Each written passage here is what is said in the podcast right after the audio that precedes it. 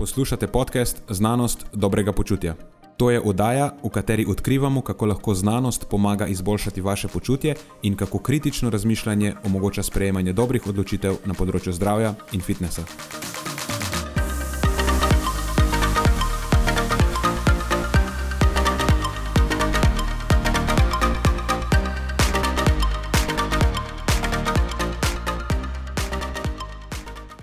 Pozdravljeni, z vami smo Nenad in moj sovoditelj Matjaš. V tokratni epizodi se pogovarjava o tem, zakaj pride do okužb s SARS-CoV-2 tudi pri cepljenih ljudeh, o kitajskem znanstvenem in tehnološkem čudežu, o tem, kakšen je učinek probiotikov pri debelosti in presnovnem sindromu, in o tem, ali lahko inovativna intervencija fekalne mikrobne transplantacije oziroma po domače presaditev kakca koristi pri debelosti in pomaga izboljšati presnovni profil. Preden začnemo, pa se moram zahvaliti še našim sponzorjem. Zaenkrat to še vedno ni velika korporacija, temveč zvesti poslušalci, ki nam izkazujete zaupanje in podporo s prijavo v našo člansko skupino Znanost dobrega počutja. Hvala vsem, ki s tem držite luči prižgane in omogočate podkastu, da raste in postaja še bolj kakovosten. Hvala tudi vsem, ki nas podpirate s pozitivnimi komentarji in visokimi ocenami, ter s tem, da priporočate podcast svojim znancem in prijateljem. Zdaj pa je končno čas za začetek epizode. Uživajte ob poslušanju.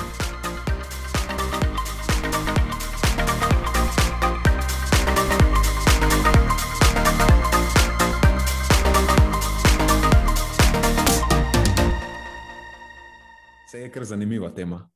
Ampak tema je, tema je bomba.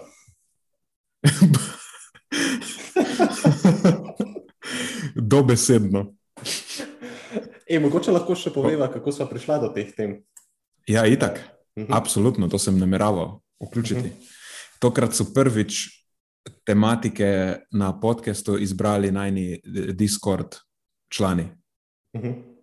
Imamo en poseben kanal na Discord serverju, In tja sva z Matjažem iz nekaj nominacij prilepila, potem pa so člani izglasovali te teme. In nekako zanimivo smo se zedinili, da bo ta epizoda posvečena probiotikom vseh različnih vrst.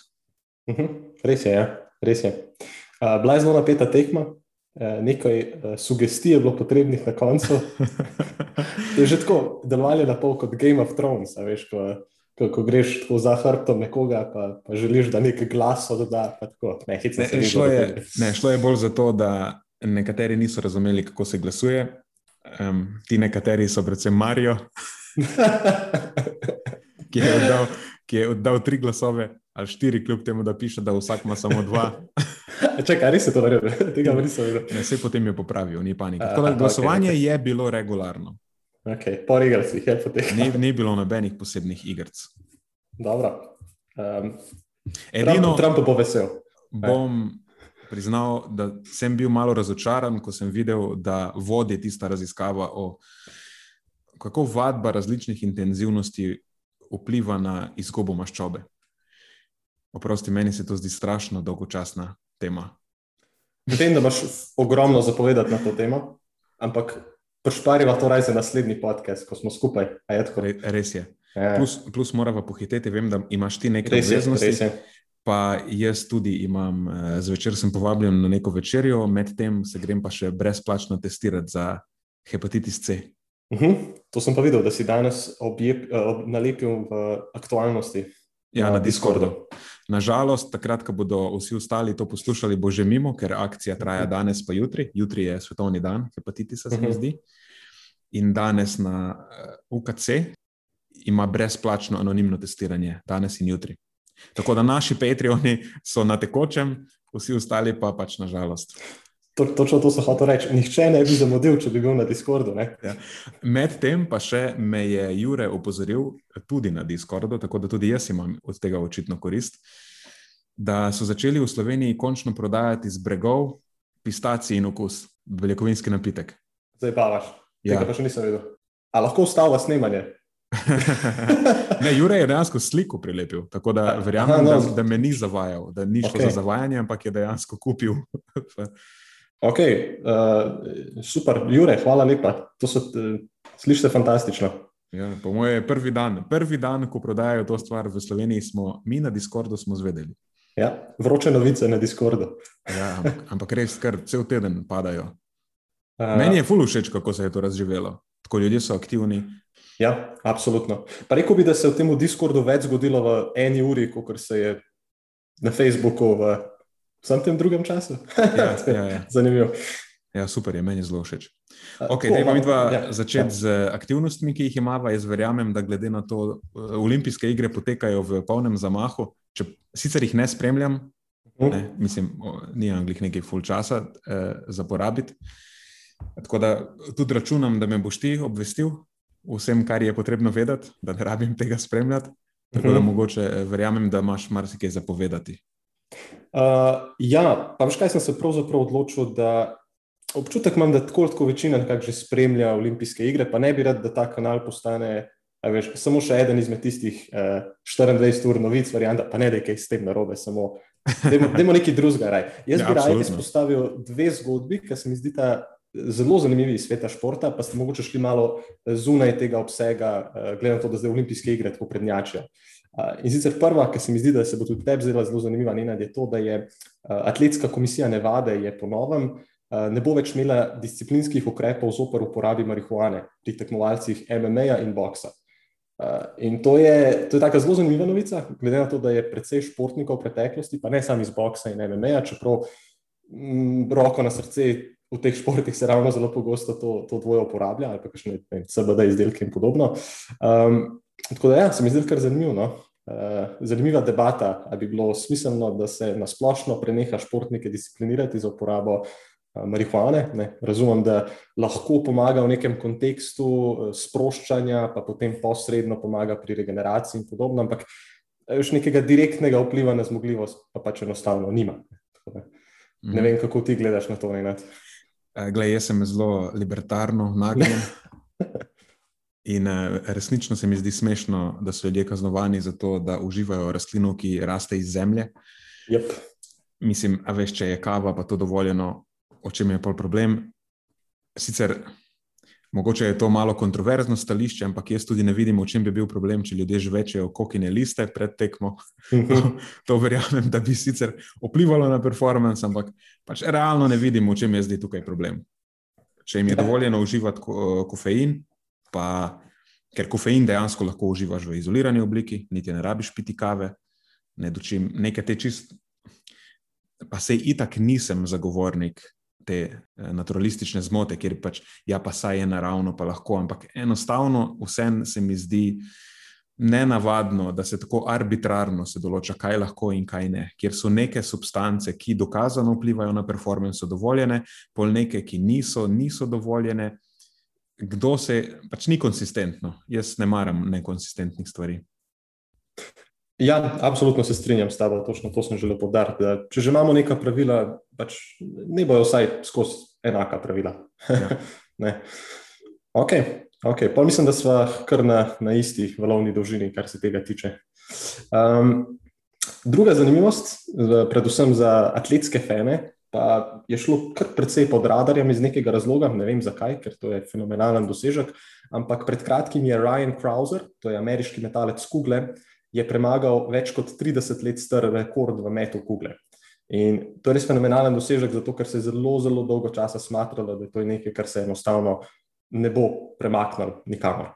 Tako da novi, novi mejnik za met teh, eh, tega dobrih 7 kg težkega uh, orožja uh, zdaj znaša več kot 23 metrov in pa 37 cm. Uh, tako da od nekoga, ki je to stvar zalučal na treningu, tekmi tam nekih 12-13 metrov, moram reči, da je to res, res nor dosežek. Ja, to. Zanimivo, kaj misliš, zakaj se je premaknilo tudi na tem področju? Ali so, so to neke nove tehnike treninga, ali pa je mogoče marihuana mu pomagala? Občutek imam, da je gospod Ryan Krauser sicer iz Teksasa, če se ne motim, ampak mogoče je pa prestopil v Nevado za trenutek, da je lahko užival vse te prednosti marihuane. No, na nič ne namigujemo. Absolutno ne, absolutno ne. E, ti ne vem, Ryan je kar tak fenomen v svojem športu, kar prednjači, predvsem mlad je. Ne vem, očitno smo priča neki, neki, nekemu novemu fenomenu v svojem športu. Podobno kot smo recimo priča enemu fenomenu na, na našem področju metalcev v metu diska v obliki Kristjana Čeha, ki je pred kratkim mhm. vrgel preko 70 metrov disk, mimo grede rekord, mislim, da znaša dobrih 74 metrov. Tako da Kristjan je za svojih, če se ne motim, 21 let res, res um, one of a kind, bi temu rekli, ne? Mm -hmm. eden na milijon. Uh, tako da, ali pa še ja, na več. Kako? Ali pa še na več kot na milijon. Ja, ja de, dejansko, ja. dejansko dobiš včasih nekega takega outlierja in potem po nesreči mogoče ne zaide glih v med krogle ali pa v med diska in ga zgubiš.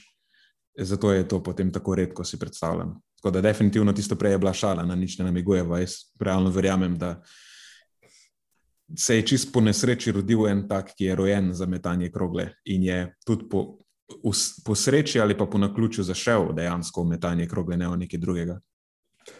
Ker mislim, ja, da v Ameriki, ja, v Ameriki imajo ta problem, kjer pač privlačen šport je ameriški nogomet, ker je finančno se ti obrestuje, če se specializiraš za to, ali pa košarka, recimo.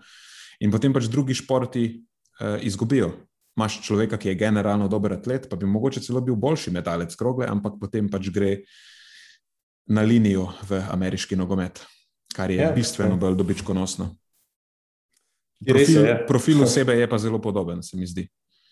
Ja, še posebej, če primerjaš nekega linebackerja ne, proti metalcu kugle, potem vidiš veliko nekih usporednic. Ja, res je, kako, kako pogosto se zgodi, da nekdo postane uh, odličen v nekem drugem športu, tako kot se recimo vem, poškoduje v ameriškem nogometu, pa, pa po nesreči zaide v ti šport.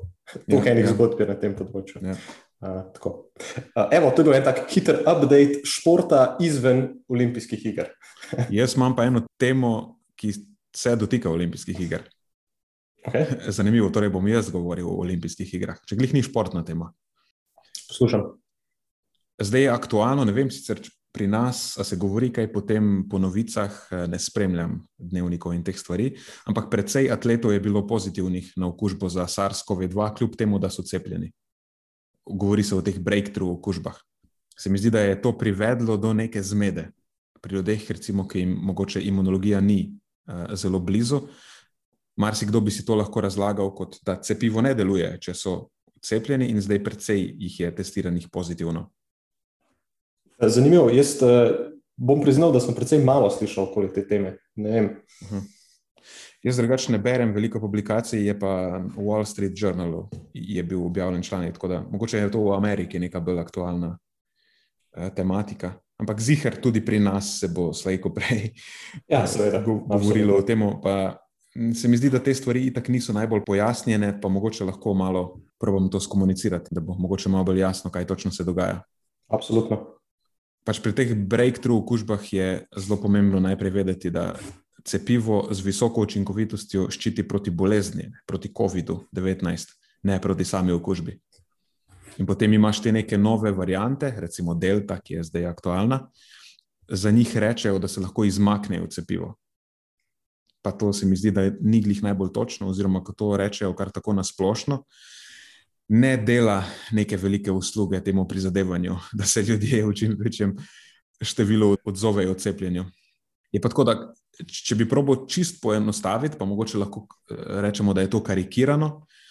Zaradi določenih mutacij ali razlik v regijah te virusne RNA, Eh, ki kodirajo za ta S-protein, potem pride do malenkost zapoznelega odziva imunskega sistema. Ne, kljub temu, da imaš imunski sistem, ki je s cepivom pripravljen, da se zelo hitro odzove na okužbo, še zmeraj potem te manjše spremembe lahko vodijo do malo zapoznele reakcije in pač virus okuži organizem, ampak vse se ne uspe razširiti v takšni meri, da bi povzročil bolezen. To potem še zmeraj štejemo kot cepivo ščiti proti bolezni, samo ne proti uh, okužbi.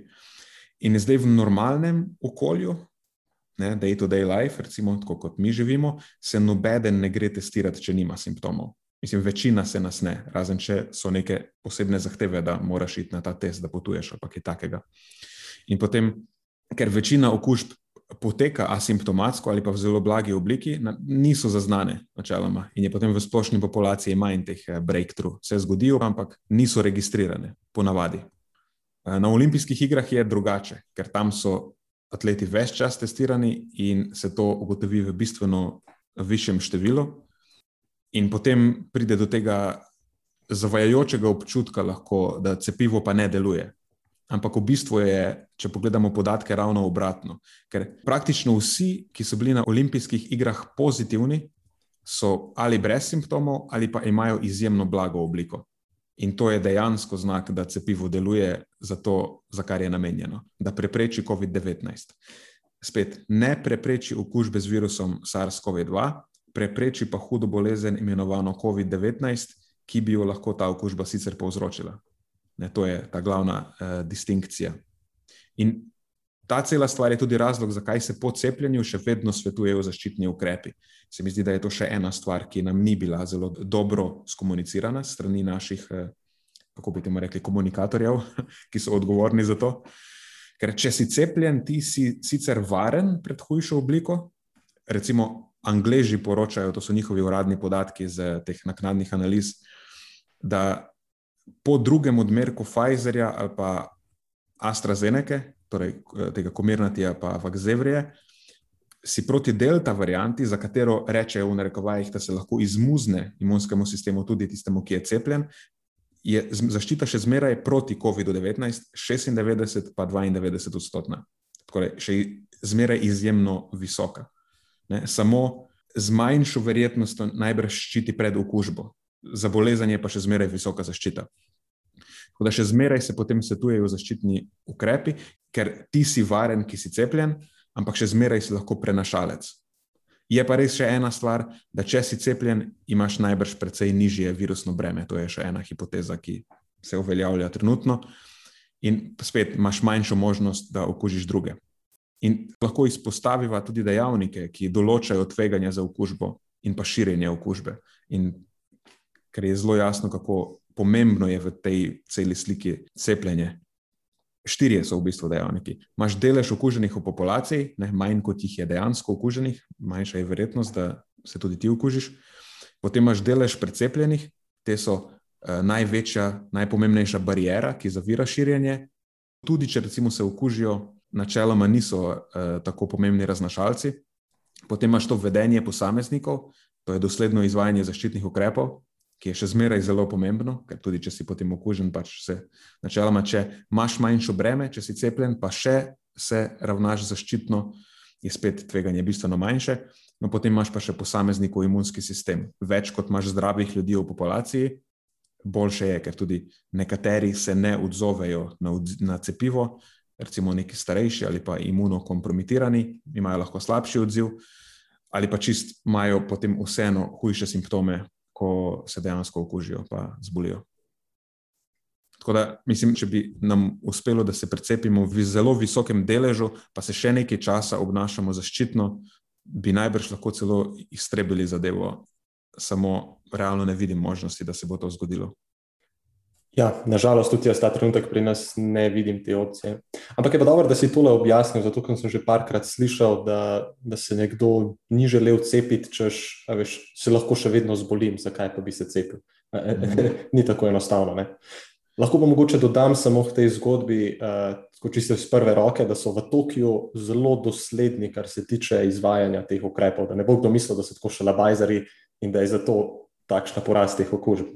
Slišal sem se včeraj z, z našo olimpiko, Majo Mihalinec. Pri nas je bila ura pol pet, pri njej predvidevam, da pol dvanajst, če prav računam, še vedno ima nekaj težav z jetlagom uh, in pravi, da so zelo, zelo izolirani. Sicer to še niso bili zdaj v tej olimpijski vasi, ampak neki, neki pred vasi, ne, pred potovanjem v olimpijsko vas. Ampak ja, um, barijere povsod pri, pri tem, ko jejo v jedilnicah, um, sami so v sobah, ločeni so. Da, ja z Japonci uh, ni, ni češen zobat. ne, Japonci imajo porihtane zadeve. Ja, ja imajo, imajo, nulo. Oni so že na začetku pandemije stvari zelo hitro rešili, tako da je bilo sprejemljivo. Uh mhm. -huh. Ok, cool. Jaz imam še eno aktualnost, mhm. ki se mi je zdela pomembna. Kitajska je uradno iztrebila malarijo. Zdravstvena, oh, wow. Svetovna zdravstvena organizacija je tudi uradno v teh dneh certificirala kot Free of Malaria. Bravo. Tako da niso sicer, niso sicer gluten free, so pa malarija free. Dobro, gluten je zdaj naslednji na meniju. Eh, ja, mislim, meni je ta, ta zgodba Kitajske izjemno fascinantna. Tako, leta 1940 uh, eh, so imeli 30 milijonov zabeleženih primerov, pa 300 tisoč smrti od tega. Uh, leta 2017 so imeli nič. To pomeni, da v bistvu v manj kot stoletju so iztrebili bolezen, ki je bila pri njih zelo pogosta. Je pa tako, da Kitajska je s tem protimalarijskim programom začela tam nekje 1950, eh, zelo koncentrirano so se ali pa fokusirano so se usmerili v razvoj antimalarikov, uničevali so legla, tako se to breeding grounds po angliško, eh, komarjev. In zanimivo, ta program za odkrivanje novih zdravil proti malariji, ki so ga začeli 1960, eh, je dal tudi eno zelo zanimivo ali pa zelo uporabno, zelo uporaben rezultat. Kitajska znanstvenica Tu Juju je skenirala vire iz tradicionalne kitajske medicine, je poskušala ne na podlagi tega, kaj so tradicionalno v kitajski medicini uporabljali za recimo nadzorovanje simptomov malarije, nekoč, ugotoviti, ali bi lahko to ponudilo nek, veš, nek, neko usmeritev, kje iskati mogoče neko potem snov ali pa učinkovino, ki bi jo bilo smiselno izolirati, pa probati proti malariji. In dejansko je v tem Sweet Wormwood, je po angliško, to je enoletni pelin, se mi zdi po slovensko.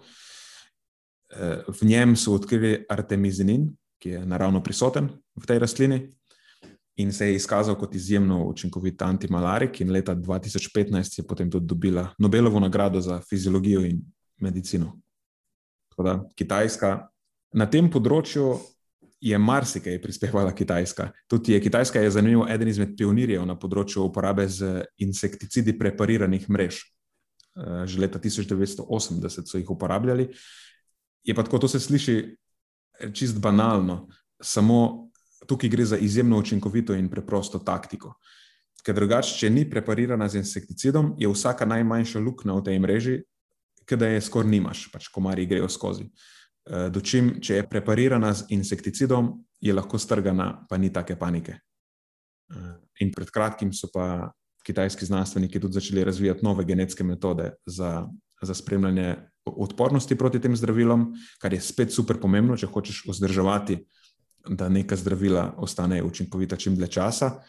Pa tudi eh, metode, kako razlikujejo med domačimi in uvoženimi primeri, kar je bilo spet nekaj, kar je precej pomembno pri tem, ko probaš nadzorovati. Ali pa zdaj, tako so iztrebili to stvar na kitajskem. Noč, čestitke kitajski. Ja, tako da Pravi, meni, meni se zdi ta Kitajska res eno tako središče inovacije na vseh področjih. Uh -huh. um, maš ne samo medicine, ampak znanosti, tehnologije, industrije, ekonomije. Uh, vem, ta, ta cela zgodba kitajske modernizacije je meni uh, neverjetna. Mi je. Dejansko, uh, tako v 40 letih so prišli iz stanja, ki je praktično kamena doba, mislim, malo pretravam, ampak ljudje so množično umirali od lakote. V najbolj, pa hotel sem reči eno izmed najbolj, ampak dejansko so, mislim, da danes najbolj tehnično in informacijsko razvita družba na svetu. Tako, če gledaš v 70-ih letih prejšnjega stoletja, Kitajska, večina Kitajske sploh ni imela elektrike in večina ljudi tam je živela na meji revščine. Tako, država je racionalizirala uporabo osnovnih dobrin, dobil si jajca in meso na kupone. Uh, mislim, niti blaga za oblačila nisi mogel kupiti v prosti prodaji. In potem so v 30 letih, ja, praktično v 30 letih, so dvignili enih, kaj je to, tri četrt milijarde ljudi iz revščine do življenja v tehnološko razviti in čist afluentni družbi. Tako danes, recimo, okoli, mislim, da je nekje, mogoče je slabih 60 odstotkov Kitajcev živi v mestih. In tam do, kako je projekcija, do 2030 pričakujejo, da bo tri četrt Kitajcev živelo v mestih. To je eh, tak premik prebivalstva iz eh, podeželja v mesta, je recimo v Evropi, ne vem, koliko je to trajalo, več kot sto let, mogoče 200 let. V ZDA slabih sto let, se mi zdi. Ne, na kitajskem, pa tako v eni generaciji. Zdaj ste v kameni dobi, zdaj ste najbolj razvita družba na svetu. Tako izjemno. No? Um, večina ljudi pa zanimivo je, kako deluje, se bi rekel, propaganda. Pa mislim, da ni namerna propaganda, tudi Kitajska sama se zapira, pa nam mogoče zato ni to tako jasno. Uh, pa ne razmišljamo o tem, ampak na kitajskem, recimo, da si sam, da si predstavljamo, kako stvari tam funkcionirajo. Nimajo denarja ali pa kreditnih kartic, tam ne moreš z denarjem kupiti nič. Imajo vse lahko zrihtaš s telefonom. Imajo eno stvar, ki se ji reče WeChat, po domači povedano, to je tako Facebook na steroidih. Recimo, zmeniš se prek Facebooka, to je zdaj karikirano. S prijatelji se zmeniš za večerjo preko Facebooka, preko Facebooka rezerviraš restauracijo, menimaš na internetu, vse naročite, kaj hočete imeti, predhodno pridete v restauracijo, tam vam postrežejo hrano, račun dobite direktno na Facebook, pač na ta WeChat, ne? in ga plačate tako z enim klikom, lahko si razdelite preko WeChat, kdo bo kaj plačal, in to je to nekatere restauracije sploh nimajo več strežbe, eh, kup enih električnih vozil že imajo, eh, recimo tam v Šenzenu, ki je nekakšna, je to neka silikonska dolina vzhoda, ji reče, ali pa kitajske. Tam mislim, da imajo nekih, nekih več kot 15 tisoč avtobusov, teh mestnih, vsi so električni. Ne? Danes imamo predstavo, kako ja, Kitajska fulus unesnažuje, pa ja, ja, se še zmeraj je neka tista stara industrija, ki je uh, ostala, ampak Kitajska trenutno najhitreje se mi zdi odpravlja.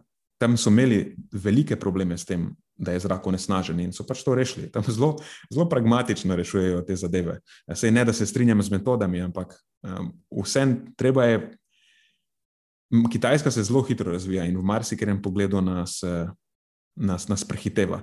In tu, če gledaš, skoraj vsa vodilna te vodilne korporacije iz ZDA in evropske, ki so v teh industriji, eh, ki so prav tako industrijska ali pa biotehnološka, zdaj svoje centre za inovacijo postavljajo v Shenzhenu. Ne? Tam imaš Apple, imaš Amazon, Tesla, Microsoft, Intel, Qualcomm, IBM.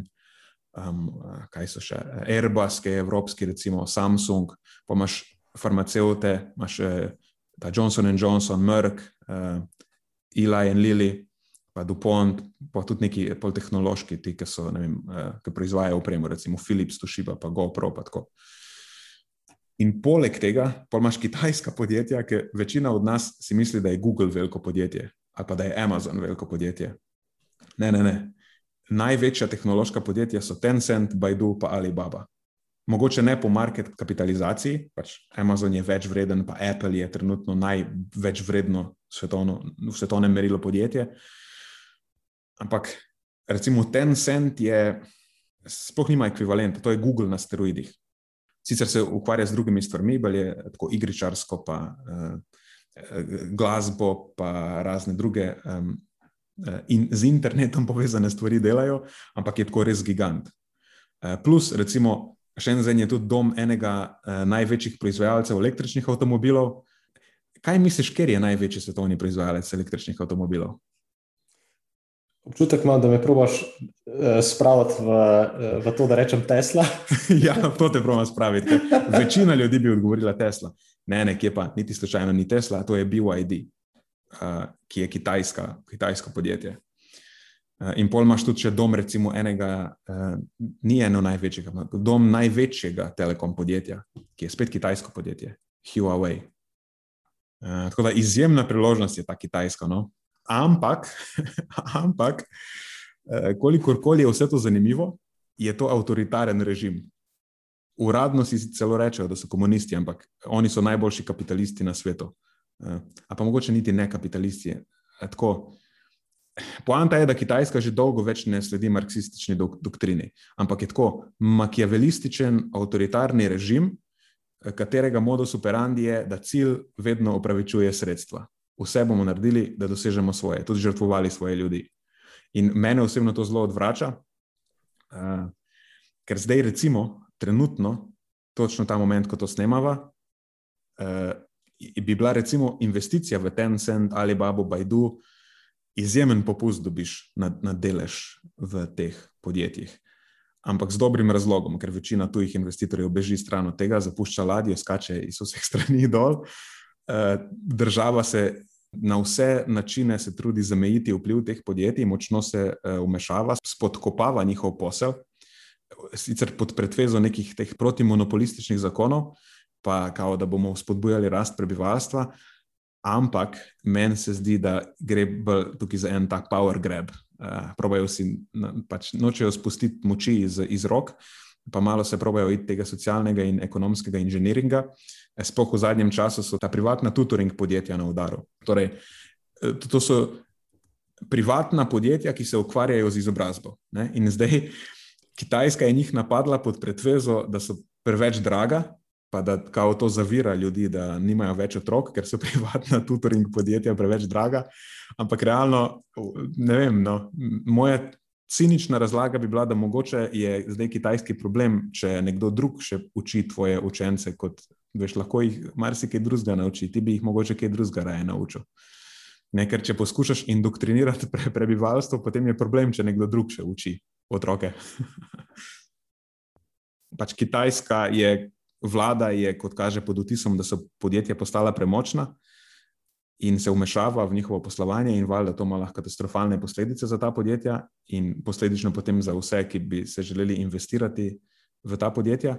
E, tako da imaš na eni strani, res je, da so trenutno to podjetja z velikim potencialom, ampak imaš pa tudi veliko tveganje, ker jih lahko pač država samo uniči s tem.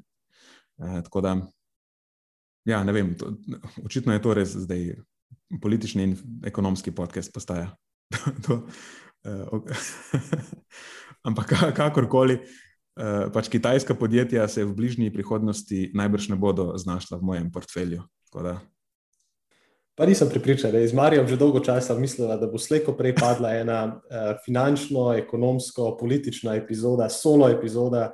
In uh, moram reči, da se je kar veselim. No? Ma, nimam nekaj, malo bolj izobrazil na tem področju. Ne, nimam neke ambicije, ne počutim se zelo soveren, da bi lahko. Mislim, da zdaj sem razlagal zgodbo Kitajske, ampak to je čisto iz. To ni na svet za kogarkoli, to je samo moj pogled na to celo stvar in tudi izvira iz tega nekega mojega zanimanja za, za geopolitiko, pa politiko, pa mogoče ekonomijo tudi, ki to je že starejše od, od mojega zanimanja za recimo prehrano specifično. Mm. Eh, ker ne vem, če sem že razlagal to mojo zgodbo, kaj je moje ozadje dejansko. Po, po, v osnovi sem obramboslovec, politolog. Tako da ta geopolitika je nekaj, kar me je eh, že odzmeraj fasciniralo. No, mislim, če še nisi povedal, da je to do te točke, vsaj predvidevam, da si je kdo mislil, da imaš neke vezi v tej smeri. Je pa to izjemno zanimiva izkušnja, recimo, ki so me zdaj na, na faksu. Je vprašala profesorica pri biostatistiki, kakšne so naša ozadja, da bo razumela, komu razlaga. In tako vsi biotehnologi, uh, kaj so bili še pol. Nek, neki biologi, ki isto je pač ne, statistika pomembna v biologiji, in polje sta medini, kaj si ti, obramboslovec. in pamet, videl sem, da sem jo zmedel. uh, in me vpraša, okay, kako pa to. Sem rekel, ja, pač statistika je nekaj, kar me globoko zanima in je v bistvu moj hobi. Ampak na srečo se je potem dobro išlo, no? vse skupaj. Ja, si rekel, da si bil precej zadovoljen. Ja, s celotnim potekom. Ja, ona pa tudi očitno. je bila z mano izjemno zadovoljna. Več kot očitno je. Ja. ja. No, okay. Okay, aktualnosti zaključene. Ja, to, spet smo razširili te aktualnosti, ampak dobro. Uredu, uredu. Prevzamemo odgovornost. Okay. Uh, nič se, se premikava naprej na ja. vse stvari okoli probiotikov. Ja, ja, zdaj je čas, da, da odpreva glavno temo. Edino preden začneva, hm? da mi povej, kako si dostopal do člankov. Ah, uh, zahvaljujem se biotehnički fakulteti. Eto, ne, ne, ne, biotehnički fakulteti. To epizodo poleg Patreonov sponzorira Univerza v Ljubljani. Hvala tako, lepa. Tako. Hvala, Univerza v Ljubljani. Za, v tem času, ko je Aleksandra na dopustu, uh, se bom posluževal ULA. Ja, to je res prav. Pride. Jaz sem bil presenečen, da na Nature Medicine smo prijavljeni. Uh mhm. -huh.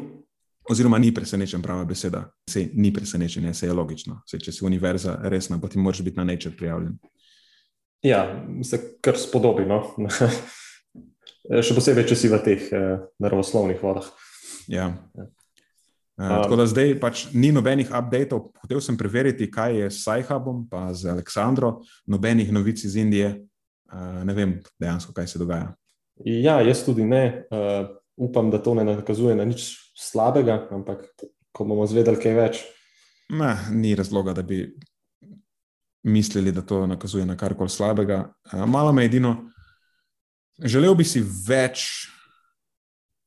Uh, transparentnosti pri tem, ali pa več nekih informacij. Tako tudi zanimivo je, da Sajhab, vse to ni veliko podjetje, najbrž Aleksandra te stvari počne z dost majhnim uh, krogom ljudi. Ampak tako, vsem bi si mogoče želel, da.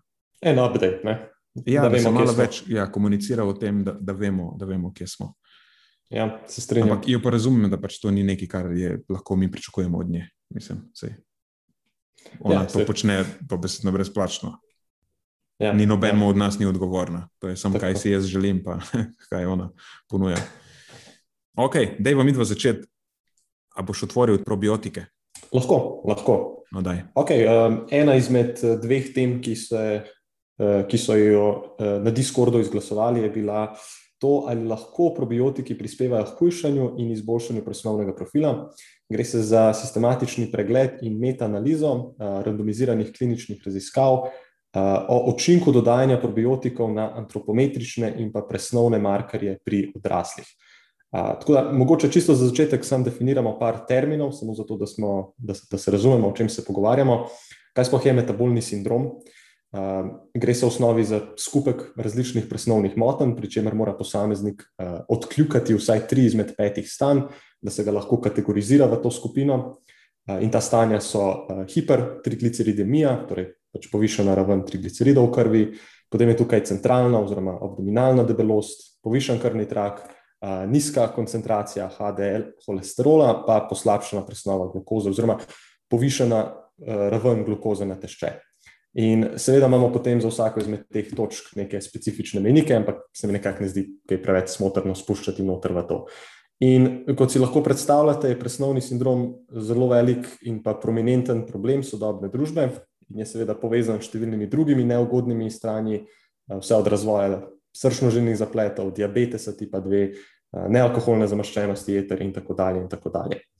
Uh, mogoče še par stvari, uh, probiotiki, prebiotiki, simbiotiki, samo da se razume te, te stvari, čeprav mislim, da to večina nekako že razume, zakaj so, so vsaj v osnovi nekaj gre. Ne. Uh, probiotiki so načeloma uh, koristni živi mikroorganizmi, ki vršijo ugodnosti uh, na svojega gostitelja, takrat, ko se jih uživa v nekih adekvatnih količinah. Eh, dočim prebiotiki pa so neprebavljivi oligosaharidi, ki selektivno stimulirajo rast in aktivnost koristnih bakterij v črvesju, oziroma eh, nekako ugodno vplivajo na rast probiotikov. Lahko bi jim rekel na nek način hrana probiotikom, tako zelo lajično gledano. Eh, simbiotik pa je izraz, ki se uporablja za kombinacijo teh pro in prebiotikov in bi lahko vršil nek tak sinergistični pozitiven učinek preko individualne uporabe, izključno pro ali pa prebiotika. Okay, zdaj, ko imamo te termine, nekako, eh, ki jih razumemo, zdaj gremo lahko naprej. Ja, deva še narediti slovar enih terminov. Rekl si, vršijo pozitivne učinke, kaj si rekel pri probiotikih? Um, da ja, vršijo neke ugodnosti na svojega gostitelja. To, to, to smo mi, mimo grede. Imajo ugodne učinke na naše zdravje, to so koristni mikroorganizmi, yes, ki imajo tako. ugodne učinke na naše zdravje, ko jih uživamo v adekvatnih količinah, pomeni zadostnih. Tako, tako. Se pravi, čujem, danes sem tako zgleda bolj, um, kako bi temu rekel, poš razpoložen. Ja, tako se nasmeji izrazi. tako, evo, hvala, Nina, da si to malo poenostavil. uh, okay. um, Dajmo si pogledati na hitro še ozadje tega članka. Se pravi, uh, vemo, da so določene prehranske intervencije koristne za izboljšanje tega metabolnega sindroma, predvsem imam v mislih pač, uh, to, da gre nekdo na hipokalorično dieto. Uh, pogosto, ko shujšamo, se veliko izmed teh stanov, o katerih uh, sem prej govoril, se pač izboljša samo od sebe. Ne. V mislih imam tudi zadosten vnos vlaknin, zadosten vnos omega-3 in tako naprej. Mediteranska prehrana je nekaj, kar se pogosto omenja kot tak neke vrste arhetip prehranjevanja v primeru eh, oziroma v želji menedžiranja tega stanja. Zdaj imamo pa tudi neke izsledke novejših raziskav, ki kažejo, da bi morda dodatek probiotikov ali pa simbiotikov imel lahko koristen vpliv na, na sam metabolni sindrom. In to zaradi potencialnega koristnega vpliva na regulacijo krvne glukoze, lipidnega profila, krvnega tlaka. Nekaj zelo omejenih raziskav kaže tudi v kontekstu koristnega vpliva na izločanje določenih sitostnih hormonov in potem lažjo regulacijo telesne mase. Ampak zelo taki omejeni podatki so na tem naslovu. Ja, ko rečeš na tak način, to je nekaj, kar zapišajo avtori članka. To je uvod v članek, ki oni pravijo čim bolj prodati. Probiotike. Ja, tako, tako. To je bilo zdaj frazirano tako, da izjemno pozitivno sliko meče luč na te probiotike, in oni pravijo to tako zapakirati v vodo članka, kot je bilo zdaj povedano, da pripravijo čim bolj pozitivno, v pozitivni luči eh, to temu predstavijo, da pa greš z zanimanjem brati naprej. Tako, tako. To, je, to ni nekaj, to je... kar je dejansko pokazano ja, ja, na ja, pozitiven način, ampak je to samo oni tako nahajpajo to zadevo. To, to je njihova racionalizacija, da lahko naredijo neko tako raziskavo. Ne? Um, no, zdaj pa si pogledamo dejansko raziskavo, kaj se, kaj se dejansko stori. Uh, vključili so noter deset uh, randomiziranih, kontroliranih študij, uh, in to je bil v bistvu tudi prvi sistematični pregled, narejen specifično na tem področju. In ključni izsledki, to, kar vas najbrž najbolj zanima, je to, da je dodatek probiotikov ali pa simbiotikov imel sicer nek pozitiven učinek na znižanje celokupnega holesterola, ampak ni imel nobenega učinka v kontekstu vpliva na antropometrične meritve, torej v mislih imam izguba telesne mase, znižanje indeksa telesne mase in podobno, ali pa na druge presnovne markerje, kot so recimo inzulin, LDL holesterol, trigliceridi in tako dalje. Tako da, če nek potegnemo črto, kljub tistemu zelo, uh, zelo razširjenemu vodu, kje naj bi vse probiotiki koristili, po večini primerov pravzaprav nimajo nekega zelo uh, izrazitega učinka. In po, po pregledu vseh teh randomiziranih, kontroliranih študij, ki so bile vključene v ta sistematični pregled, se tudi sprašujem, uh, kako pravzaprav sploh vemo, da so bili samo probiotiki v teh intervencijah zaslužni za pozitivne učinke. Ne, če sam naredimo hiter pregled, vidimo, da so vse te raziskave. Poleg dodatka probiotikov ali simbiotikov vsebovali še neko intervencijo v obliki lifestyle managementa, hipokalorične prehrane, vem, tako imenovani standard medical therapy, nisem šel gledati, kaj točno je to. Ampak ne, veliko nekih drugih faktorjev je vključenih, ki so morda celo bolj zaslužni za končni skupiček, kot pa sami probiotiki. Pa tudi zgolj polovica teh vključenih raziskav je kontrolirala za prehranski vnos udeležencev, Ne vemo, da ima lahko tudi to izrazit učinek na številne parametre, recimo na nivo trigliceridov, na presnovo glukoze, na telesno maso in tako dalje. Tako da, ja, zanimiva raziskava, če potegnemo črto, ampak mislim, da kaj zelo konkretnega ven iz tega mislim, da ne moremo izpeljati. Mislim, da je še vedno osnova menedžiranja uh, takih stanj, pač enostavno regulacija telesne mase preko nekega režima prehranjevanja, mora biti vključitve vadbe v igro, in, in to je nekako tisti glavni del, tisti, kako bi tam rekel, meat and potatoes. Uh, in, in tudi, če imajo probiotiki nek učinek, si predstavljam, da na tej točki, da, da ta učinek pač ni tako zelo izrazit, ali pa je v najboljšem primeru nek potencialno koristen dodatek standardni terapiji, zagotovo pa ne osnova te terapije. Uh, ne vem, ne vem, kaj, kaj si ti misliš. No, tvoj pogled na to celo zadevo je bistveno bolj eh, pozitiven od mojega. okay. Uporabil si eh, besedo zanimivo kot pridevnik za, za to celo stvar. Eh, Definitivno meni se ni zdela zelo zanimiva. No, imam par stvari izpisanih, na nekatere od teh si že ti namignil. Prvo, začne se že pri naslovu. Zakaj so v naslovu samo probiotiki, če v bistvu nobena vključena raziskava praktično ni preverjala učinka probiotikov, ampak ali je šlo za simbiotike ali je šlo za neka probiotična živila. In večina potem od teh raziskav niti ni probala kontrolirati za ostale stvari. Recimo, če sem imel simbiotik, je bila samo placebo tabletka, ni bil samo vlaknina, pa recimo potem simbiotik. Tako da je že na tej točki. Pa tudi, recimo, če gledaš rezultat, ki je edini signifikanten, je skupni holesterol. Uh mhm. -huh. no, to je na kaj lahko pričakujemo, da bodo prehranske vlaknine imele učinek, pač dokazano znižujejo raven holesterola v krvi. To je spet nekaj, kar namiguje na to, da tukaj govorimo o učinku prehranskih vlaknin, ne, ne nujno probiotikov. Tako da to je recimo ena stvar. Potem, če greš pogledat posamezne raziskave, ker v teh zadevah tako zlepijo fulene heterogene raziskave, dajo v to košarico, veš, niso samo jabolka, ampak daje hruške, jabolka, pomaranče, vse to je zdaj eno sadje in potem nikoli ne veš, kaj, kaj sploh dobiš. Če greš pogledat recimo posamezne raziskave, ja, vidiš, interval zaupanja pri vseh izidih eh, prečka nič. Tako jasno kaže, da nima nekega učinka stvar. Imáš uh, recimo dve raziskavi pri telesni masi, indeksu telesne mase, pa obsegu pasu, ki mejita na ugoden rezultat. Ampak potem greš pogledat vsako posebej in spet vidiš, da uporabljata simbiotik, uh, pomeni probiotik skupaj z vlakninami, to sta Xavier Santos pa Rabiej. In potem ne moreš ločiti učinka probiotika od učinka vlaknin. Uh, plus to, da je Rabiej poleg simbiotika vključeval še shujševalno dieto.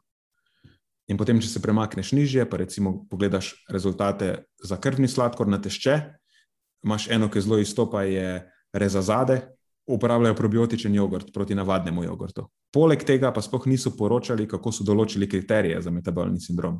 Tako da ti si prej lepo naštel, kaj so kriteriji, pač oni niso niti bili toliko dobri, da bi napisali na podlagi česa so metabolni sindrom ocenili. In potem recimo imaš še, če se premakneš nižje, uh, imaš uh, Bareto, je ena raziskava, ki izstopa pri inzulinski rezistenci, ki je dala pozitivne rezultate, tam so pa spet uporabili fermentirano mleko napram navadnemu mleku.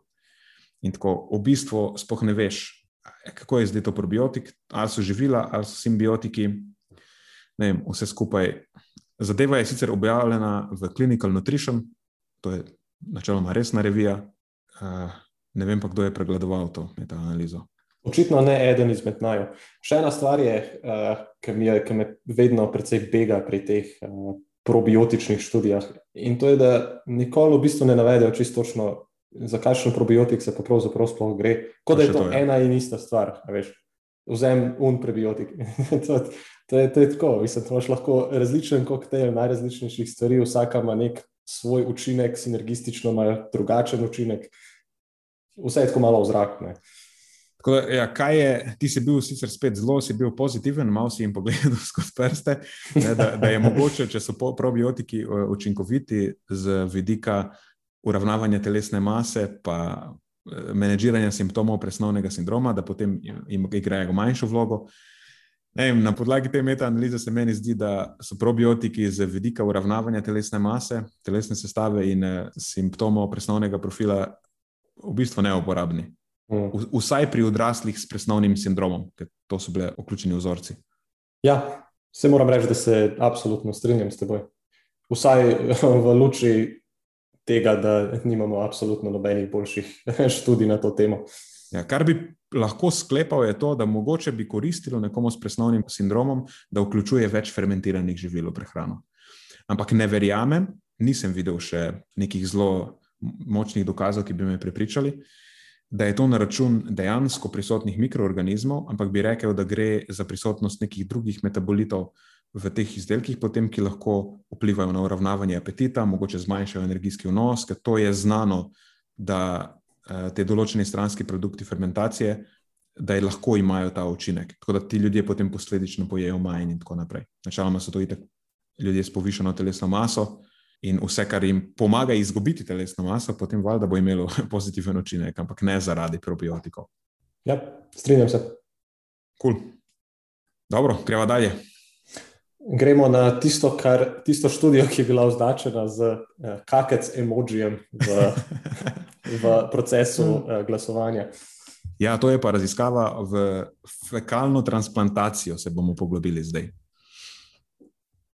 To je po domač povedano, presaditev kakca. Eh, je objavljena je bila v Nature Medicine, to je tako zelo. Ena resna revija. zelo resna revija. Eh, sej, v resnici je tudi fekalna transplantacija zelo resna stvar. Eh, tukaj zdaj govorimo o drugi fazi kliničnih testiranj. To pomeni, da v prvi fazi je že bila nekako določena varnost te intervencije, bil je določen najbolj smiseln odmerek, Tako da so se potem lotili v drugi fazi. Druga faza je načeloma tista, ki potem preverja, ali ima ta stvar nek želen biološki učinek ali pa ne, daje rezultate, ki si jih želimo. Je pa tako, da tukaj so oni zadevo preizkušali v smislu učinkov pri debelosti in metabolnem sindromu. To metabolni sindrom je nekaj, na kar se je navezovala tudi prejšnja metaanaliza, ker pri živalskih modelih se je stvar izkazala kot precej učinkovita. E, tako, tam so uspeli praktično klonirati fenotip. Imeli so vidke glodalce, so lahko naredili debele, če so, recimo, karikirano, vidki kakec presadili v debelo miš, in debele so lahko naredili vidke, če so debeli kakec preselili v vidko miš. Je pa tako, da pri ljudeh se ta stvar ni eh, izkazala kot eh, enako dosledna. Eh, sicer pač pri ljudeh zaenkrat ni nekih močnih dokazov, da če prenesejo stvar od vidkih donorjev k debelim, ne, ne pride do nekih konsistentnih rezultatov, ki bi bili zelo pozitivni. Je pa tako, pravim, da zadeva ni dobro raziskana in pač zdaj v tej drugi fazi so probali to nekako standardizirati, pa tudi podkrepiti z pod neko podporno terapijo. In v tem primeru je bila podporna terapija dodatek prehranskih vlaknin. Uporabili so tudi dve različni vrsti prehranskih vlaknin. Je pa tako, pozabil sem na začetku to povedati, dejansko je fekalna transplantacija ali pa fekalna mikrobna transplantacija, Eh, če smo čist natančni, zelo učinkovita za zdravljenje ene hude oportunistične okužbe, to je sklostridium difficile. Stvar je pogosto odporna na antibiotike, tako zelo trdovratna je za zdravljenje. Ponavadi okuži nekaj ljudi, ki so uh, kompromitirani zaradi nekih razlogov v bolnišnicah, ki se zdravijo z močnimi antibiotiki zelo dolgo. Uh, in zadeva ima tako zelo visoko stopnjo morbidnosti in umrljivosti. Enkrat, ki to dobiš v bolnici, ni glih fajn. Uh, in Abdali in sodelavci v eni raziskavi prejšnje leto, to, so, to je skupina iz Univerze v Birminghamu, tako da niso uh, so potem celo naredili primer, uh, postavili nek argument v svojem članku, da je zadeva celo bolj učinkovita, pa cenejša od konvencionalne terapije z antibiotiki. Je pa stvar, če bi koga zanimalo, kako to zgleda v praksi, dva koraka sta, da imaš pripravek tega koktejla in imaš administracijo potem tega. Priprava je zelo preprosta, no najprej moraš temeljito skenirati donorja, ta donor mora biti v tip-top formi, eh, potem odzameš njegov, eh, ko on daruje to zadevo, potem pač fekalije, ne? potem narediš, eh, pač, pride do emulzifikacije tega, zraven dajo en tak kriv protektant, ki pol to zamrzujejo najprej filtrirajo, pa zamrzujejo na minus 80 stopinj Celzija. No, in potem, ko pripravijo to stvar, so štiri poti administracije. Zdaj, eno je ta nazogastrična celka, ki se pač v klinični prehrani uporablja, pač grejo ti ne skozi nos, pa uh, dol. Eno je kolonoskopija, ta je najbolj efektivna, pač grejo direktno od zadaj noter in administrirajo. In te dve, prvi dve, sta najpogostejši, potem imaš pa še uporabo klistirja, ne vem, kako to zgleda, nimam pojma, in pa uralne kapsule. To je pa najmanj okusna pot administracije, ker dobesedno pač vzameš kapsulo. Tako, če bi probali čist zbanalizirati to zadevo, dobesedno poješ to. Če, če si mislil, da imajo ljudje težave z, z žuželkami, pa mislim, da bo imel še več težav z uživanjem. To je, sodobna, to je sodobna medicinska tehnika. Okay? La, lahko jo zapakiraš, v kar želiš, ampak. uh, ja, ne, sej, malo se šalim v bistvu. Uh, nočem, pač to je moje, nagnjen sem v to smer, da probam stvari obrniti vedno na šalo, ampak dejansko to je sodobna medicinska metoda, dokazano učinkovita za klostridium difficile. In zaenkrat jo raziskujejo tudi za metabolni sindrom in debelost, in zdaj bomo ugotovili, kako se je ta stvar izkazala. Tako kot že rečeno, sama fekalna mikrobna transplantacija zaenkrat na tem področju ni dala dobrih rezultatov. In potem so oni se odločili, da bodo dodali prehranske vlaknine kot podporno terapijo. Uh, so pa tako vzeli dve sorti. Vzeli so visoko fermentabilne, pa nizko fermentabilne. Zdaj, fermentabilne to pomeni, da jih lahko eh, določeni mikrobni sevi, ponavadi koristni, v črevesju uporabijo kot substrat za svojo hrano. In potem ko se prehranjujejo s temi uh, vlakninami, ko jih fermentirajo, se načeloma poveča tudi proizvodnja raznih koristnih metabolitov, ponavadi, oziroma za večino teh koristnih učinkov so zaslužne kratkoverižne maščobne kisline, in potem te so povezane z izboljšanim presnovnim profilom, nižjo telesno maso, načeloma, boljšim nadzorovanjem apetita. Tako da je smiselna hipoteza, da bi mogoče dodatek teh fermentabilnih vlaknin lahko bila zanimiva pot raziskovanja, da bi lahko ta podpora potem pomagala, da se ta fenotip eh, tudi prenese v praksi. Tako da štiri skupine so imeli, v vsaki skupini je bilo 17 udeležencev. To so bili ljudje z debelostjo in presnovnim sindromom. Indeks telesne mase v povprečju 45, tako da to so bili veliki ljudje. In te štiri skupine so potem bile eh, fekalna mikrobna transplantacija, pa visokofermentabilne vlaknine, eh, transplantacija pa nizkofermentabilne vlaknine, potem je bil pa placebo, pa visokofermentabilne, pa placebo, pa nizkofermentabilne. So pa, za recimo, to je kot zanimivost, visokofermentabilne so bile koruzni škrob, odporni škrob tipa 4, pa gumi akacije, dočim nizkofermentabilne so bile eh, celuloza. In to je bilo, obeh je bilo 33 oziroma 27 gramov, odvisno od spola. Moški 33, ženske 27 gramov. Dejansko so jim dosuplementirali cel dneven vnos vlaknin. Zanimali so jih pa primaren izid, je bil senzitivnost na inzulin po šestih tednih, tako dolgo je ta zadeva trajala. Marker, ki so ga uporabili, je bil, to smo enkrat že v prejšnji epizodi slišali, eh, ta HOMA-IR, to je ta Homeostatic Model Assessment za Eh, odpornost proti inzulinu. Je pa zanimivo, da so uporabili dvojko, to je neka updated verzija tega.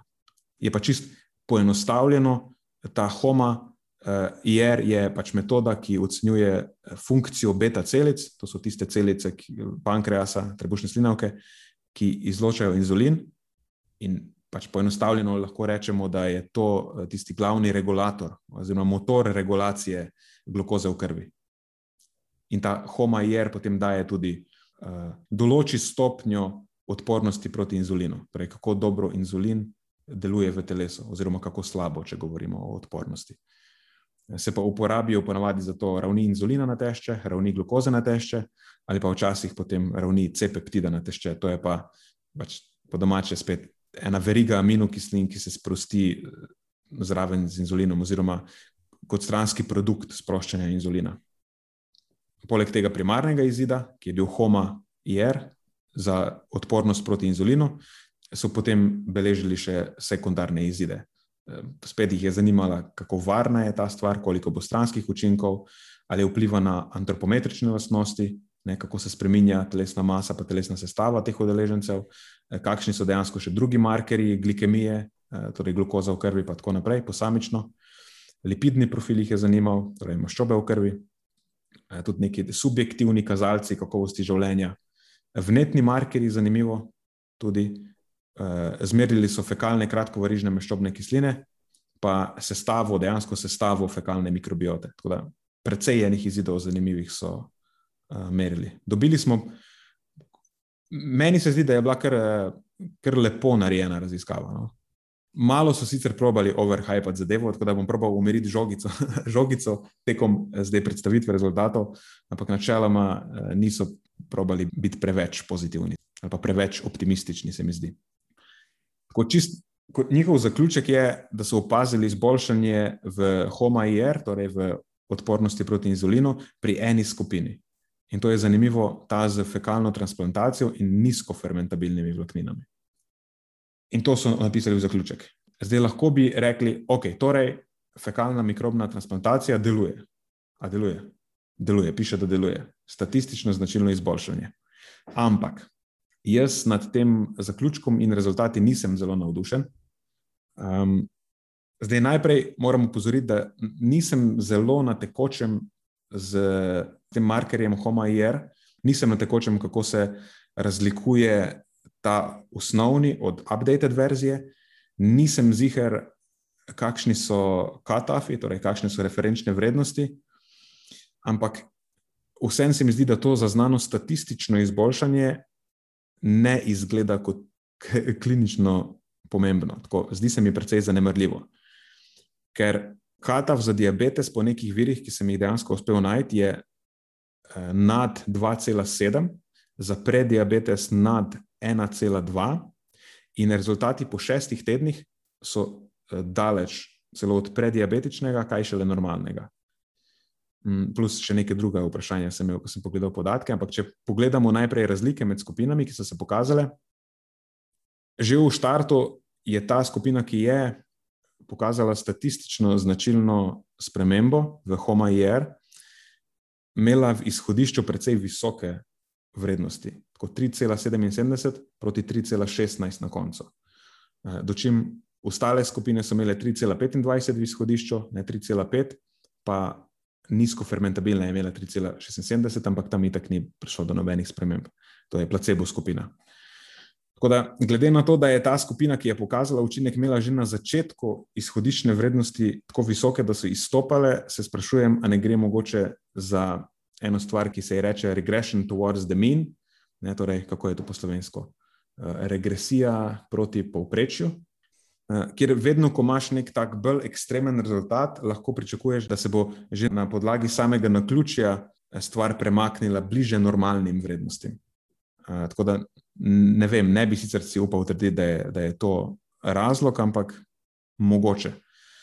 Plus, da če pogledamo posamezne udeležence, znotraj te skupine, ki je pokazala statistično značilen učinek, imamo en tako izjemen osamelec. Uh, in pri njem je opaziti najbolj drastično izboljšanje.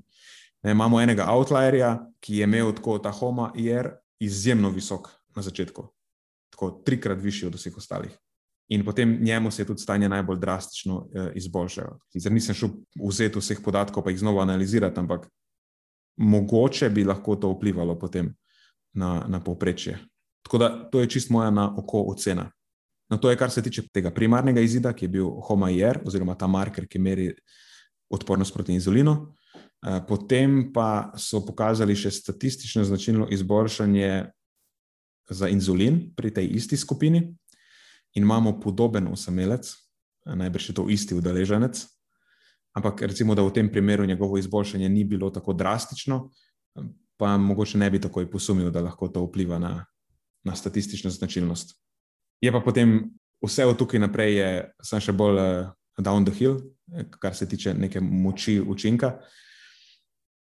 Ni bilo nobenih sprememb v obremenitvenih testih z glukozo, torej toleranca na glukozo se kot praktično pomemben izid ni izboljšala.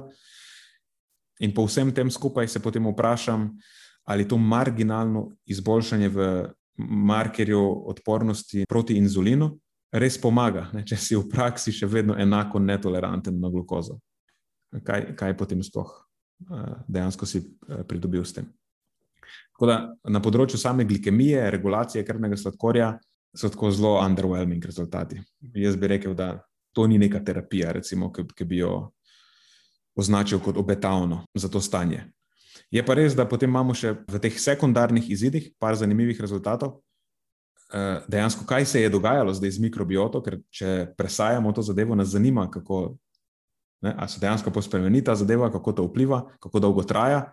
Zanimivo je, da obe intervenciji s fekalno transplantacijo sta pokazali spremembo v beta diverziteti mikrobiote. Eh, ta beta diverziteta, to je, tukaj gre za kvalitativne razlike v sestavi med populacijami. Torej, koliko se različne populacije razlikujejo med seboj. Ne, kako se recimo ta FMT intervencija razlikuje od intervencije brez FMT. In uh, to pomeni, da je prišlo do razlik v, v beta diverziteti, da je dejansko prišlo do sprememb v mikrobioti, ki bi jih lahko povzročila transplantacija. Ne, po šestih tednih sta imeli skupini z fekalno transplantacijo drugačno mikrobioto od placebo skupin, kvalitativno. Je pa potem zanimivo, da je samo skupina z fekalno transplantacijo in nizko fermentabilnimi vlakninami pokazala tudi statistično značilno eh, povečanje tega microbial richness, eh, raznovrstnosti mikrobiote. Tukaj pa potem eh, govorijo o alfa diverziteti. Alfa diverziteta so pa kvantitativne razlike v sestavi pri eni populaciji, ali pa po domače, koliko se je sestava ene populacije spremenila od začetka, pa po šestih tednih. In zanimivo je to zato, ker je točno ta skupina, ki je pokazala tudi nek minimalen učinek na odpornost proti inzulinu, potem pokazala tudi, da se je ekologija njihove črvesne mikrobiote precej približala ekologiji mikrobiote donorjev. Ne? Imeli so dejansko mikrobioto bolj podobno tistim, ki so jim darovali to mikrobioto. Je pa zanimivo, da ta uči, učinek ni ostal, to je nek tak tranzitoren učinek. Po šestih tednih je bil, potem po dvanajstih tednih recimo pri šestih tednih so prenehali z intervencijo, ampak so jih še vseeno spremljali še enih šest tednov. In po dvanajstih tednih je ta učinek izvenel. Tako da spet so povrnila se jim je njihova izhodiščna sestava. Torej, uh, hočeš reči, da to ni neka strategija, ki jo ta trenutek priporoča? Noč ne kaže. Ne. Ja, se, se mi je zdelo. Zdaj, roko na srce, ta, ta sama ideja ni je v bistvu že precej stara, če se ne motim, ampak mislim, da je kakšnih kaj deset let nazaj postala malo bolj prominentna, ko so začele te prve uh, klinične raziskave ven izhajati. Uh, in moram reči, da prvič, vsaj takrat, ko sem slišal za to, se je meni zdela to tako zelo inovativna ideja. Tudi tiste raziskave, ki si jih omenjal na, na podganah in, in miših, so bile zelo betavne, ampak na ljudeh pa vidim, da je zgodba popolnoma drugačna, uh, kar je kaj, lahko bi rekel, da je precej klasika, ne, skoraj praviloma, da tisto, kar odkrijemo na živalskih modelih, se pač ne prenese v enaki meri tudi na ljudi, nažalost. Ja, zelo um, redko se ne. Ja. Malo me spominja na tisto zgodbo o uh, tisti konjugirani linolni kislini. Se mi zdi, da je tak pravi fat burner pri podganah, pri ljudeh pa tako. Veš, absolutno nič ne naredi. ne spomnim se, kdo je to rekel enkrat, ampak da če bi se rezultati raziskav na miših dosledno prenašali na ljudi, potem bi zdaj že znali pozdraviti in raka, in vse druge kronične bolezni, ki jih ne znamo pri ljudeh. Pri miših, fulejnih stvari znamo pozdraviti. Včasih je, bi bilo bolje, če bi bili bližje mišim. ja, to je sicer zelo dobra novica za vse lastnike miši in podgan, ampak za nas ostale pa ne tako. Ja, za, za, za, za to peščico ljudi je to super novica. Ja. Uh, kako, um, kako prominentna pa pravzaprav je ta stvar? Vem, da v Ameriki je bil precej velik boom okoli tega par let nazaj, pri nas ne vem, če sem slišal karkoli o tem. Nimam pojma. Mislim, ne vem, zakaj ne. Mogoče jaz bi predvideval, da za klostridium difficil mogoče celo uporabljajo. Nimam pojma. Uh mhm. -huh. Ampak realno nimam pojma.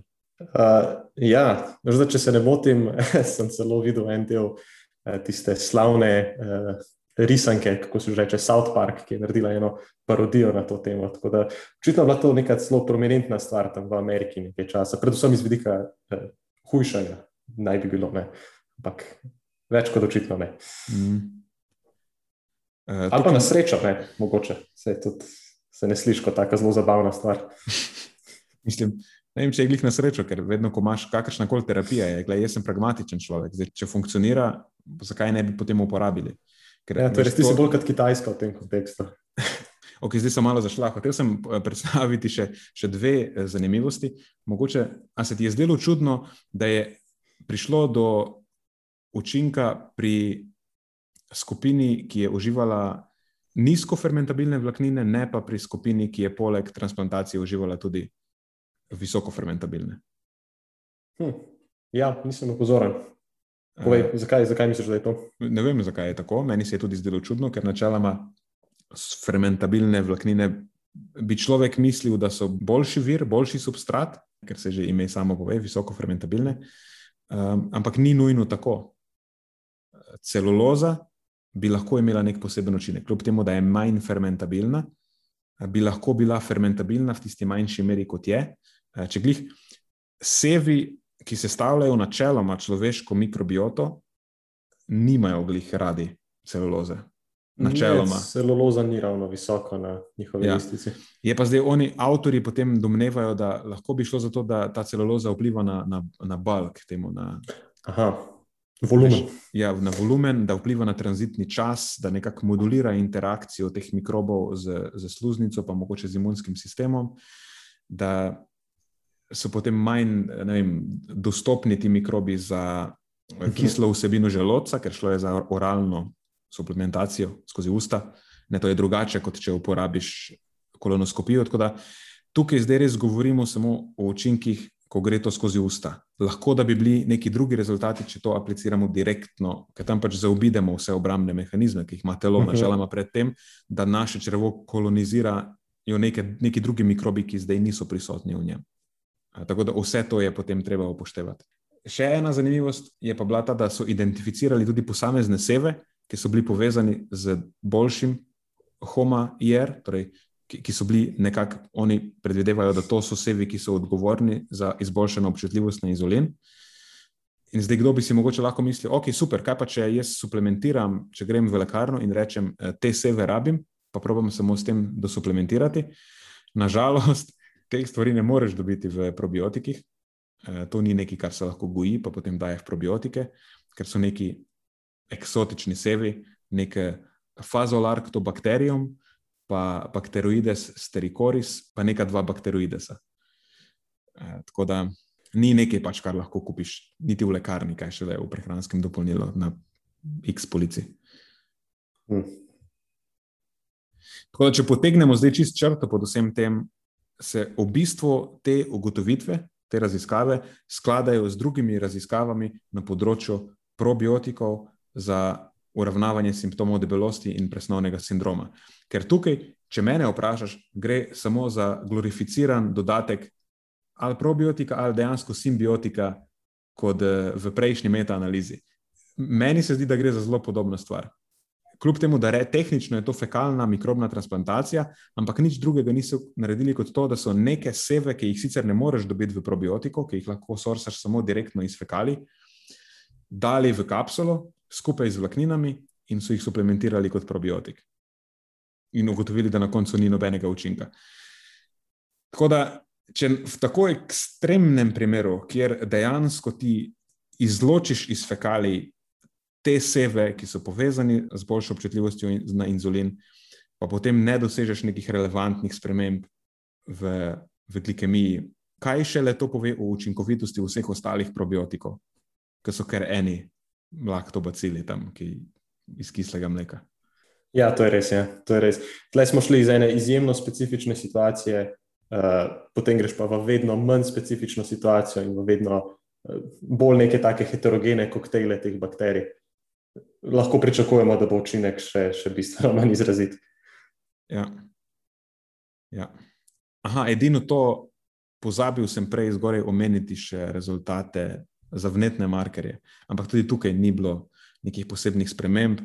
Zaznali so, zanim, tukaj pa spet zanimivo, zaznali so znižanje vnetnih citokinov, eh, dveh v bistvu, to je TNF-alfa in interleukin 8, se mi zdi. Pri obeh skupinah z vnosom visoko fermentabilnih vlaknin.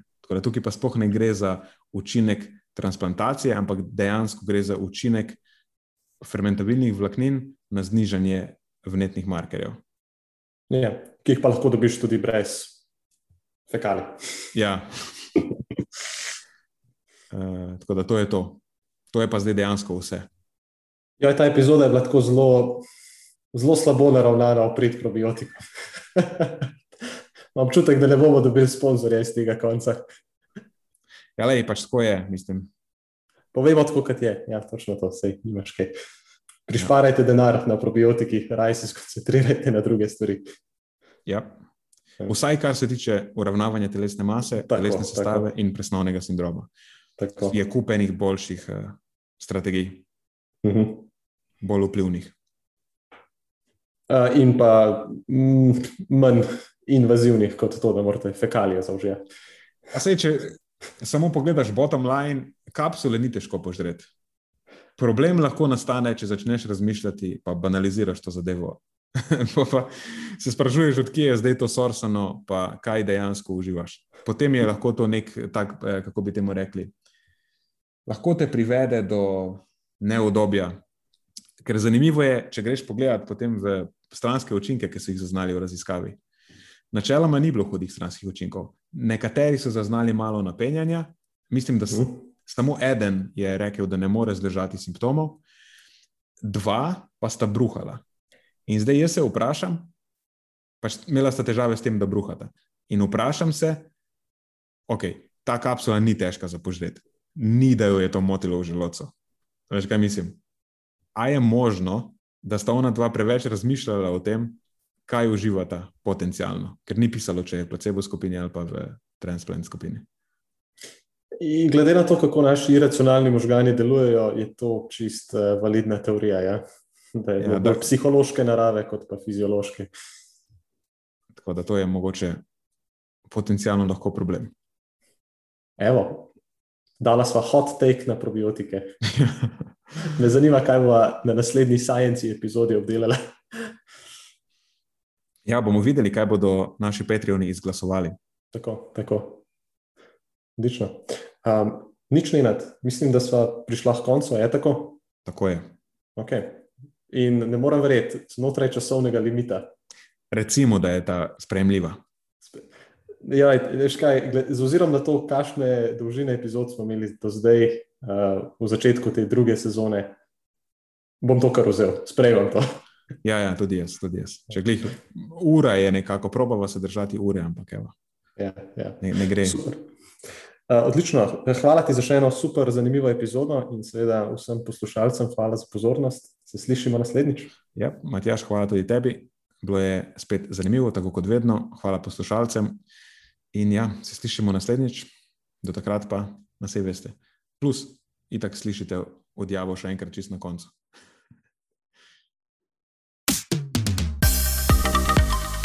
To je za tokrat vse iz naše strani. Hvala, ker ste poslušali do konca. Delite epizodo s svojimi znanci in prijatelji in jo priporočajte dalje, saj s tem omogočite, da sporočilo znanost dobrega počutja doseže čim večjo množico. Hvala vsem, ki nas podpirate s članarino in tudi vsem ostalim, ki delite podcast dalje in nam izkazujete naklonjenost z visokimi ocenami in pozitivnimi komentarji. Se slišimo prihodnjič, do takrat pa ostanite premišljeni.